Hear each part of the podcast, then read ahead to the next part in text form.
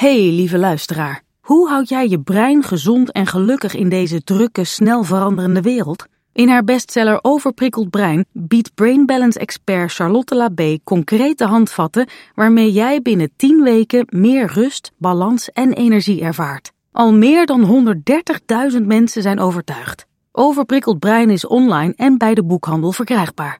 En dan gaan we nu door naar de podcast. Everyone knows therapy is great for solving problems, but getting therapy has its own problems too, like finding the right therapist, fitting into their schedule, and of course, the cost. Well, BetterHelp can solve those problems. It's totally online and built around your schedule. It's surprisingly affordable too. Connect with a credentialed therapist by phone, video, or online chat, all from the comfort of your home. Visit betterhelp.com to learn more and save 10% on your first month. That's BetterHelp, H E L P. A lot can happen in the next three years. Like a chatbot may be your new best friend. But what won't change? Needing health insurance. United Healthcare Tri Term Medical Plans are available for these changing times. Underwritten by Golden Rule Insurance Company, they offer budget friendly, flexible coverage for people who are in between jobs or missed open enrollment. The plans last nearly three years in some states, with access to a nationwide network of doctors and hospitals. So, for whatever tomorrow brings, United Healthcare Tri Term Medical Plans may be for you. Learn more at uh1.com. Ik heb vroeger, toen ik student was, werkte ik in de thuiszorg. Nou, en het was toen helemaal niet normaal dat een man dat deed. En als ik dan daar voor het eerst bij die mensen kwam, dan uh, waren ze nogal wantrouwig en zo. Maar als ik het dan goed deed, ja, dan waren ze helemaal. Dan, dan gingen ze dingen zeggen als mannen zijn eigenlijk veel beter, merk ik, dan vrouwen. Dan, hè, dus ik had het eigenlijk heel makkelijk. Jij kreeg eigenlijk de staande ovatie voor iets wat voor, van, van vrouwen al werd verwacht. Precies. Dus, want dit is normaal. En jij zo, wow, Frank. Ja. Welkom bij Lieve Frank, een podcast waarin ik brieven beantwoord over dilemma's in het leven. Jullie brieven. Met hulp van filosofie bied ik een ander perspectief op grote en kleine problemen. Ik ben filosoof en auteur Frank Meester. En ik ben Rachel van der Poel, de host van deze podcast. Met deze podcast hopen wij het leven lichter te maken, of in ieder geval een beetje. Vandaag behandelen we een brief van Erik die wat moeite heeft met veranderende rolpatronen thuis en in zijn gezin van herkomst. Rachel leest de brief voor. Lieve Frank, sinds twee jaar hebben mijn vriendin en ik een dochter. We willen het gelijk verdelen, maar toch doet zij meer dan ik. Als ik het zo opschrijf, klinkt het sneu. Maar ik heb nooit na hoeven denken over cadeaus voor verjaardagen of dat soort zaken. Toen ik op mezelf woonde, lapte je gewoon wat geld met je vriendengroep en was er altijd wel iemand die het regelde. Het zit gewoon niet in mijn systeem. Vroeger deed mijn moeder dit allemaal. Als ik mijn ouders bel en ik een vraag heb over samen eten of langskomen, dan zegt mijn vader: vraag dat je moeder maar. Maar mijn moeder ergert zich juist steeds meer aan hoe dat gaat. Mijn ouders zijn inmiddels beide met pensioen en mijn moeder vindt dat mijn vader nu ook maar eens zijn deel in het huis moet doen. Bij mijn vader zie ik veel ontreddering. Hij heeft geen idee waar hij moet beginnen. Laatst ging hij uit zichzelf stofzuigen. Dat was een grote overwinning. God, wat klinkt dit wederom treurig. Met mijn vriendin heb ik vaak botsingen over dit onderwerp. Ik vind mezelf een goede gast met goede bedoelingen. Ik snap haar punt wel en toch voelt dat commentaar de hele tijd oneerlijk.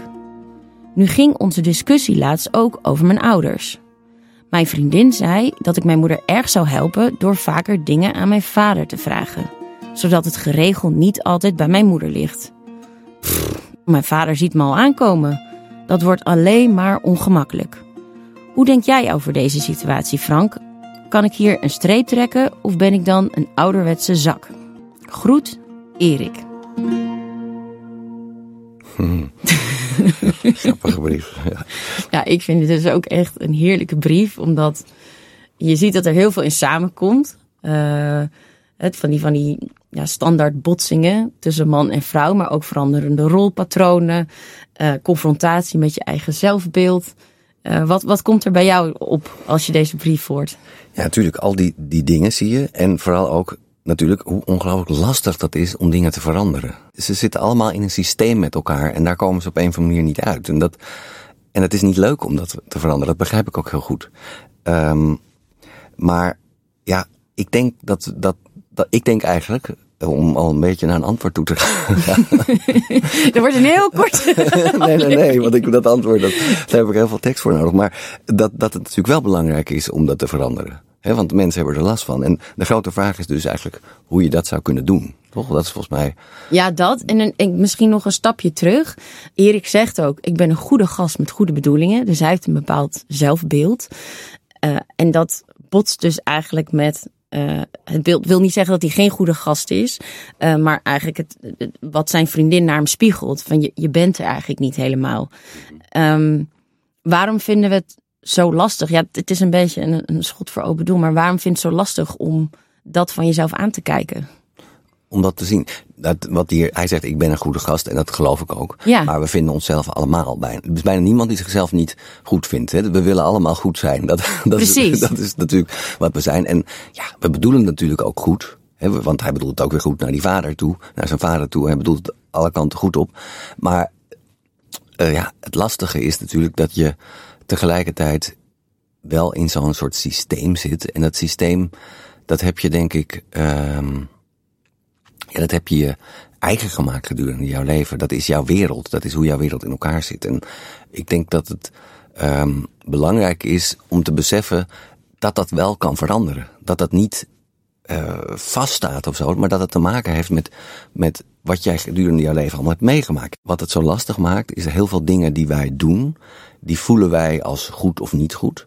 En meestal kunnen we vertrouwen op dat gevoel. Is dat gevoel goed? En dus jij, jij voelt heel goed aan wanneer je iets Hè, wanneer je iemand moet helpen of allemaal dat soort dingen. En dan, dan doe je dat en dan voelt dat ook goed. En dan heb jij het goede gedaan. Dus dan denk je inderdaad, ik ben een goed iemand. Ik weet wanneer ik iets, iemand moet helpen en wanneer niet. Maar ja, soms... dat noem jij emotiestempels, precies, toch? Precies, Wat we eigenlijk doen gedurende ons hele leven, uh, waardoor we zo ongelooflijk snel kunnen handelen, is dat we overal emotiestempels opplakken.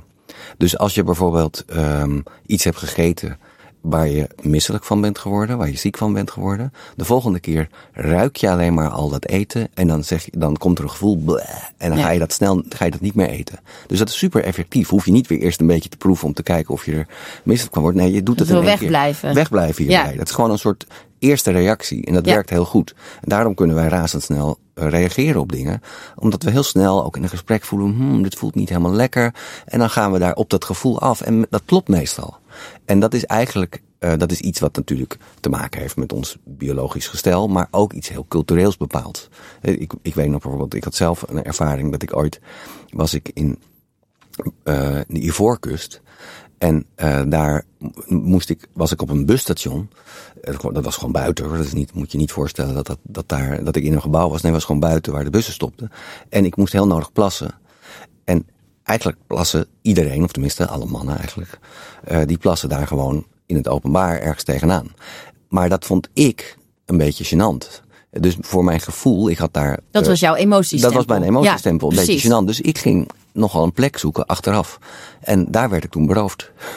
dus, dus, dus, dus dat, een verkeerd emotiestempel in een, verkeer, een andere cultuur en precies, dan past precies. die niet. Dus je merkt hoe cultureel bepaald ook die emotiestempels zijn. En soms ja. moet je ze dus een beetje aanpassen als je in een andere situatie zit.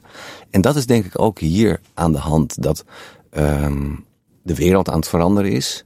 En dat je dus in principe heel goed die emotiestempels die je overal opplakt, die zijn op zich goed. Maar tegelijkertijd kan het ons dus ook af en toe in de weg zitten. Zoals nu bij Erik. Want dat die denk moet ik, ja. even checken, klopt mijn emotiestempel nog wel met ja. uh, mijn verantwoordelijkheid Precies. Dus, naar mijn vriendin en ja, kind toe. Dit voelt naar, naar mijn vader toe om te doen. Dit voelt gek naar mijn moeder om, uh, om te doen. Om dat, dat, ik ben zo gewend om het zo te doen. Dat voelt allemaal gek. Maar je moet even door dat gekke gevoel heen om een soort nieuwe emotiestempels te plakken. En ja, dan gaat de wereld een beetje veranderen. En dat is dus niet altijd leuk om te doen. Want ja, je hele beeld verandert.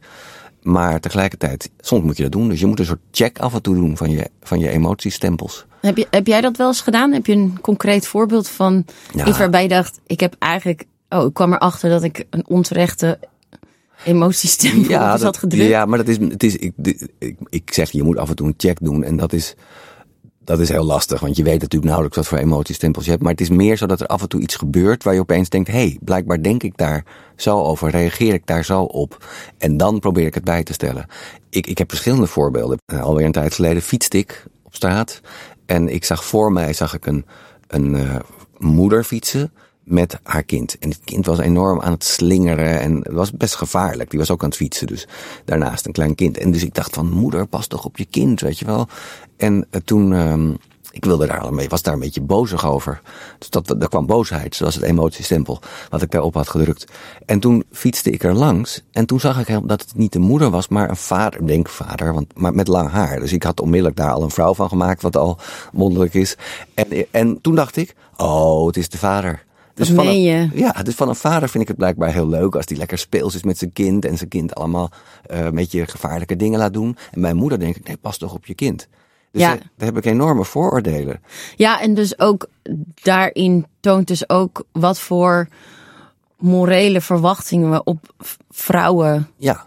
drukken. Ja. Uh, er was laatst ook een onderzoek uh, dat een vrouw had gevraagd, of een onderzoeker had gevraagd aan vrouwen die twijfelden over of ze kinderen wilden of niet, um, of ze wel vader wilden worden. Oh ja. ja. En, toen zei ze, en daar zeiden ze wel ja op. En ja. ik snap dat heel goed, want als ik uh, die vraag bij mezelf voel, van wat het is om vader te zijn, dan lijkt dat me veel uh, makkelijker. Ja, grappig is dat, ja. Dat is inderdaad Omdat, ja, er wordt ja. minder van verwacht. Er is meer, veel sneller applaus. Uh, ja, ga zo maar door.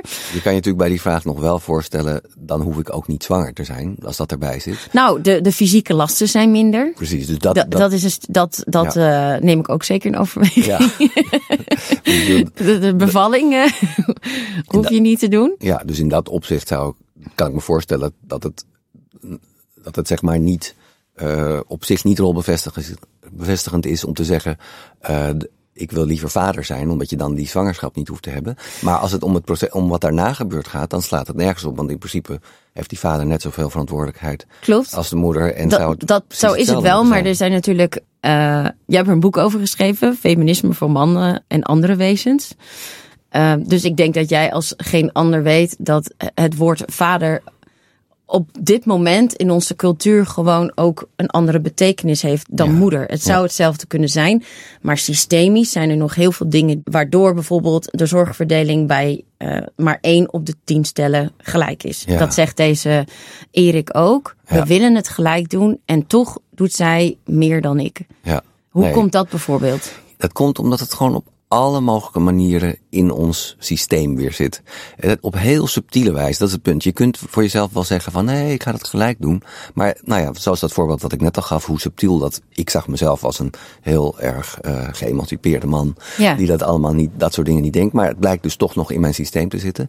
En het zit niet alleen in mijn systeem, het zit in het systeem van alle mensen om ons heen. Dat is het probleem.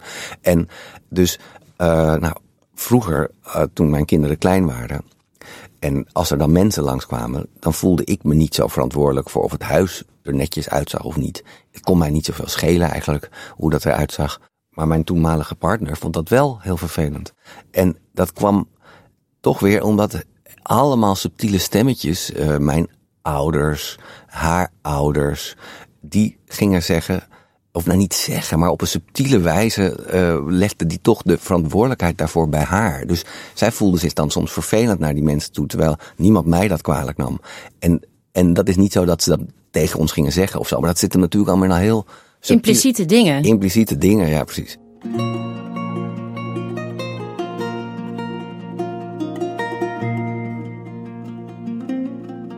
Hey, en hoe zou um, hoe zou jij bijvoorbeeld van scheve zorgverdeling tussen Erik en zijn vriendin aanpakken? Of heb je daar tips voor? Ja, dat denk ik wel. Want laten we gewoon even stellen dat het scheef is en hij heeft goede bedoelingen, maar ja, ja. hij moet dit wel gewoon even gaan aanpakken. Ja, toch? ik denk dus wel dat hij het moet gaan aanpakken. ja, dat Precies. vind ik dat ook. is de antwoord op de. Dat, dat is een van zijn vragen. Dus ik denk, je moet, je moet dit niet zo laten. Je moet er iets aan doen, want het is scheef. Ja, hoe moet je dat doen? Kijk, het, het probleem is. Wat, wat waar we het net over hadden, dat het dus ongelooflijk subtiel is. En dat het Mhm. overal om je heen uh, word je eigenlijk weer toch een beetje in die oude rollen geduwd. Ja. Dus als jij wilt dat het anders gaat, dan moet je dat heel expliciet uitspreken met elkaar.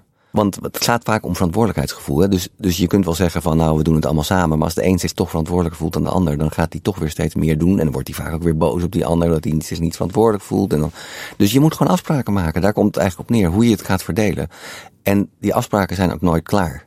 Dat is wel grappig in de oudheid, bijvoorbeeld bij Aristoteles en bij Plato en zo, daar hebben ze het over uh, de oikos. En de oikos is eigenlijk dus de, het, het, um, daar komt ook economie vandaan, maar eigenlijk is het meer het huishouden. Maar dat huishouden was een veel groter iets, want dat was ook, ja, het was meer een soort boerenbedrijf zou je kunnen zeggen.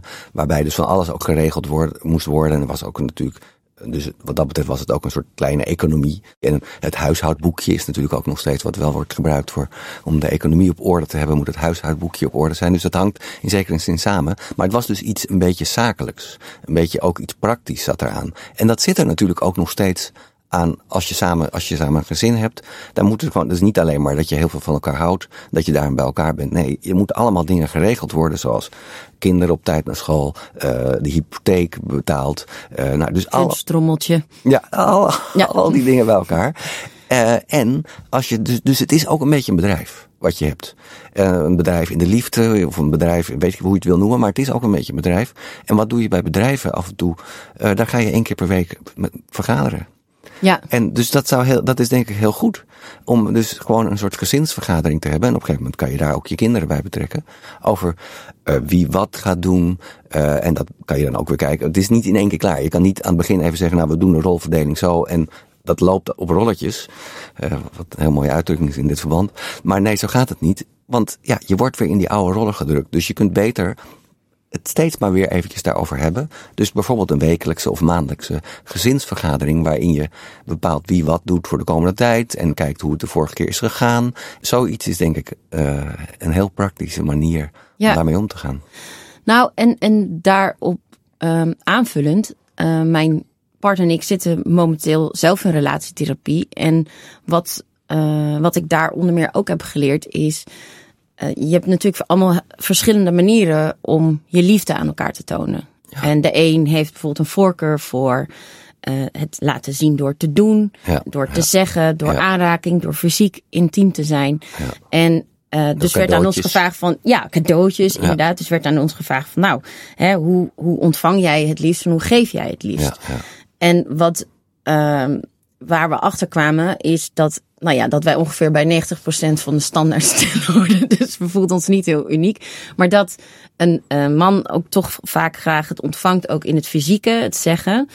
Um, en ik ontvang het graag doordat ik zie uh, dat iemand het ook, uh, doordat hij dingen doet. Ah, dat ja. ik op hem kan bouwen. Ja. Op die manier kan je soms in een visueuze cirkel ja. komen. Omdat als iemand zegt, ik het schat, ga jij de zolder opruimen en je moet het zes keer vragen en het gebeurt niet. Uh, dan sluit je je af en zoek je minder fysieke toenadering. Waardoor ja. de ander denkt, hé, maar ik wil op die manier mijn liefde ontvangen, maar ik krijg het niet. Waardoor je weer minder geneigd bent ja. het te laten zien of te geven. Dus het is denk ik voor Erik en zijn partner ook goed om erachter te komen van, hé, hey, hoe ontvang je liefde en ja. hoe geef je liefde? Ja, het is trouwens heel grappig, want ik had het met mijn uh, vriendin die ik nu heb, mijn geliefde, heb ik eigenlijk een beetje het andersom. Ben ik dus heel erg degene die uh, laat zien dat ik van haar hou door heel erg dingen te doen en zo. Oh ja. En, en, en zij had het helemaal niet zo door. Zij heeft vaak dat soort dingen niet zo door dat ik dat dan doe om te laten zien dat ja. ik. En zij is veel meer van dat fysiek laten zien en veel meer gewoon contact en zo. En dat, en daarin, uh, dat moesten we inderdaad, hebben we precies zo Ja. uitgesproken. En dan is het heel, dan, dat helpt enorm om dat uit te spreken. En dan zie je dat van elkaar. En dat werkt heel goed. Precies. En, en dat als je dan zo'n wekelijks moment hebt om in te checken. Ja. Wat het voordeel daarvan ook is, is dat als je al een frustratie over iets hebt en je uit dat op dat moment, vaak doe je dat op een inderdaad aanvallende manier. Met Ja, het ja. jij bakken, weet Ja, je wel. precies. Waardoor de ander in het defensief schiet. Maar als daar wat, uh, als je weet, oh maar op woensdag zitten we altijd even. Dan kan je het ook al wat meer laten zakken. Klopt, dan En kan je re- op reflecteren van, hé, hey, wat is dit nou eigenlijk? En kan je... Uh, kan je dat op een betere manier met elkaar bespreken? Zeker, zeker. En, en wat, wat dat betreft, dat vind ik ook een heel goeie. Uh, die relatietherapie. Eigenlijk moet je gewoon zodra je een relatie begint, moet je ook in relatietherapie gaan. Heel veel mensen gaan pas in relatietherapie als er dingen misgaan. Maar eigenlijk kan je dat veel, veel beter direct doen. Want, ja, het is ongelooflijk leerzaam. Ja. Ik heb uh, pas twee sessies gehad, maar ik vind het geweldig. En ik wilde helemaal niet. Ah, okay. Dus het lag niet, uh, het soort van, ik was een beetje het obstakel. Maar ik kan het, uh, ik kan het inderdaad iedereen aanraden. We hebben nog één praktisch ding uit de brief. Namelijk, hè, die vriendin zegt, joh, vraag ook eens wat aan je vader. Ja. Ja, ik denk dat het heel goed is. Doe dat gewoon. Ja. Dat is precies wat je moet doen. Je moet dingen doorbreken. En dat is, dat zal lastig zijn. En die vader zal dat uh, misschien gek vinden. En die zou daar in eerste instantie niet goed op reageren. Maar je hebt grote kans dat het uiteindelijk uh, weer. Ja, je gaat een beetje een andere relatie daardoor krijgen met je vader. En daardoor ga je ook andere dingen van je vader zien. En je vader gaat andere dingen van jou zien. En grote kans dat dat heel interessant wordt. En juist iets oplevert. Hoeft niet natuurlijk hoor. Kan ook heel lastig zijn. Maar ik, ik heb bijvoorbeeld een vriend. En uh, zijn, zijn moeder was overleden. En hij sprak eigenlijk altijd gewoon met zijn moeder. Precies ja, dat Dit, is. Dat, als je belt, is. Ja. Oh, ik pak je. Ik, ik, ik geef je moeder even. even. Ik geef ja. je moeder even. Ja, ja dat, dat, doet mijn vader ook hoor. Het is heel moeilijk om hem dan aan de lijn te houden. Want hij zegt: geef je moeder even en weg. en, maar zo was die vader van hem ook. Die, die sprak gewoon nooit met hem. En opeens uh, zat hij heel veel met die vader te praten. Hij vond het overigens dus heel lastig hoor. Want hij, was, hij wist helemaal niet goed hoe hij daarop moest reageren. Nee. En. Um, uh, ja, dus het is niet heel makkelijk. Maar goed, hij is daardoor wel heel veel over, over die vader te weten gekomen. Want die ging van alles vertellen over zijn verleden. Over uh, hoe hij in het kamp had gezeten. Dat had hij. En dat soort dingen. En dat ja, was tegelijkertijd. Uh, vond hij het lastig om het aan te horen. Maar hij vond het ook. Wat ook weer belangrijk. Daardoor, ja. Hij heeft daardoor eigenlijk een be veel betere band met zijn vader gekregen. Ja, ja. ja, dus het gaat dingen veranderen. En uh, heus niet altijd alleen maar ten goede in de zin van dat het allemaal leuk en lief en aardig is en zo. Dat, dat, dat, dat komt frictie, dat is het gewoon wat er is natuurlijk. Uh, maar ja, ongetwijfeld kom je dingen te weten en dan krijg je een andere band. En dat is ook heel waardevol. Ja, dus tot slot, is Erik een ouderwetse zak? Als ja. hij hier aan blijft vasthouden. ik denk het wel. Hij ziet het probleem. Kijk, als hij het probleem niet zou zien, zou hij misschien nog een grotere ouderwetse zak zijn. Hij schrijft wel deze brief. Dat Precies, dat bedoel ik. Dus hij wil er blijkbaar wel iets mee. Dus dat is al, dat is eigenlijk. Ik vind het heel dapper dat hij dit ook zo opschrijft. Super, want het, ja. dat hij ook zegt: Goed, wat klinkt dit eigenlijk sneu als je dit zo opschrijft? Ja, dus eigenlijk weet hij dit al. Want anders ga je die brief niet schrijven. Nee, Dus- dat is ook zo. En dus in die zin is hij geen uh, ouderwetse zak. Eh, Maar als hij dit allemaal weet en er toch in zou blijven hangen, zou hij misschien trouwens ook geen ouderwetse zak zijn. Want een echte ouderwetse zak die beseft natuurlijk niet dat hij iets moet veranderen. Uh, en die doet het dan ook niet, maar die weet het ook niet. Terwijl hij weet het wel. Maar ja, als je dat allemaal weet, dan moet je eigenlijk ook die volgende stap zetten. En dan kan het. Dus dat, je had het over de relatie met zijn vader, maar er gaan natuurlijk veel meer dingen dan veranderen. Want als jij bijvoorbeeld wat uh, attenter bent, je gaat eens een kaart sturen. Ik heb vroeger, toen ik student was, werkte ik in de thuiszorg. Ja, en het was toen helemaal niet normaal dat een man dat deed. En als ik dan daar voor het eerst bij die mensen kwam, dan uh, waren ze nogal wantrouwig en zo. Dan dachten ze, hm, maar waarom is dat nou zo? Nou, er was een tekort aan, dus het was in ieder geval, ze waren al blij dat ik kwam hoor, maar toch. Dus dit of niks, zei Ja, precies. ik ben het hier, met mij moet je het doen. Maar als ik het dan goed deed, ja, dan waren ze helemaal, dan, eh, dan gingen ze dingen zeggen als mannen zijn eigenlijk veel beter, merk ik, dan vrouwen. Dan, hè, dus ik had het eigenlijk heel makkelijk. Ik deed het helemaal niet uitzonderlijk goed, maar ze hadden zo verwacht dat ik het niet zou kunnen. Toen dat ik bleek dat ik het toch gewoon schoon kon maken. Ja, dat was, dat was fantastisch. Dus, dus op een gegeven moment, iedereen wilde mij houden. En ze vonden allemaal, ik kreeg overal complimenten. En ik Jij kreeg eigenlijk de staande ovatie voor iets wat soort van, van vrouwen soort al werd verwacht. Precies, Dus, want dit is normaal. En jij zo, wow, Frank. Ja, dat een vrouw dat kan, dat, dat weet iedereen. Zeg maar, dat, dat, dat is even de algemene opvatting. Maar Ja, dat een man precies. het kan, wauw, dat is wel heel bijzonder. Dus je hebt, zeker in zo'n overgangstijd als waar wij nu in zitten, heb je in zekere zin uh, heel veel, uh, kan je er je voordeel mee doen. Hè? Dus doe eens eventjes uh, heel attent en stuur eens een kaartje vanuit jou. En dus je zal je zien dat mensen dat enorm waarderen. En dat ze denken, goh, wat een leuke, attente man is die Erik toch. En dus je kan uh, enorm uh, ja, goed mee voor de dag komen. Ja, En ook natuurlijk, ik weet, ik neem aan dat binnen dat gezin natuurlijk uh, al dingen al heel goed geregeld zijn. En uh, Erik ook heel veel in het uh, gezinsleven en zo daar toevoegt. Maar toch ook daar, is, het is gewoon leuk om voor je kinderen te zorgen. niet de hele week, dat is vreselijk. Maar om dat gewoon goed te verdelen. En dat is hartstikke leuk om te zijn. En, en, en dus het heeft gewoon ook echt heel veel voordelen voor mannen. Dat is ook waar mijn boek Feminisme voor mannen en andere wezens heet. Er zitten heel veel voordelen aan gelijkere rollen. Ik bedoel, ook als het gaat om emoties kunnen tonen. Dat is een bekend iets. Heel veel mannen die kunnen eigenlijk alleen maar uh, blijdschap en, en woede kennen ze. En alle emoties die daar omheen zitten, er zitten ontzettend veel emoties zijn er, die, die uiten ze eigenlijk in een van deze twee. Dat is een enorme, uh, ja, um, Verschraling van, verschraling van je emotiearmoede. Ja, is emotiearmoede. Dat is heel jammer. En zo zijn er heel veel dingen waar je je voordeel mee kunt doen als man. Ja, nou en ik, en ik wil toch nog even toevoegen dat vanuit het perspectief van de vriendin die ik toch best wel een beetje herken.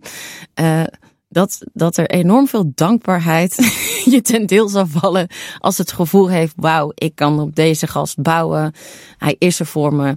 dat het dan op andere gebieden ook makkelijker gaat en de sfeer thuis beter wordt. Dus Erik, ga ervoor. Je luistert naar Lieve Frank, een podcast van VBK Audiolab en uitgeverij Ten Haven. In deze aflevering heb ik het onder meer gehad over ongelijke zorgverdeling en ik heb daar nog een boekentip bij. Namelijk Werkboek voor de ideale rolverdeling van Ragna Heidweiler. En ik heb ook nog twee boekentips. Uiteraard Feminisme voor mannen en andere wezens van onze eigen Frank Meester.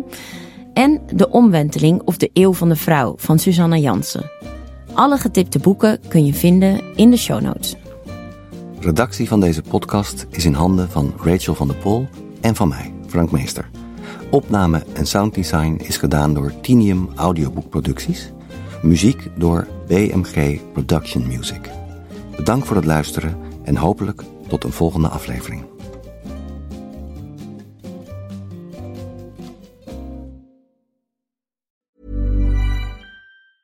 Even when we're on a budget, we still deserve nice things.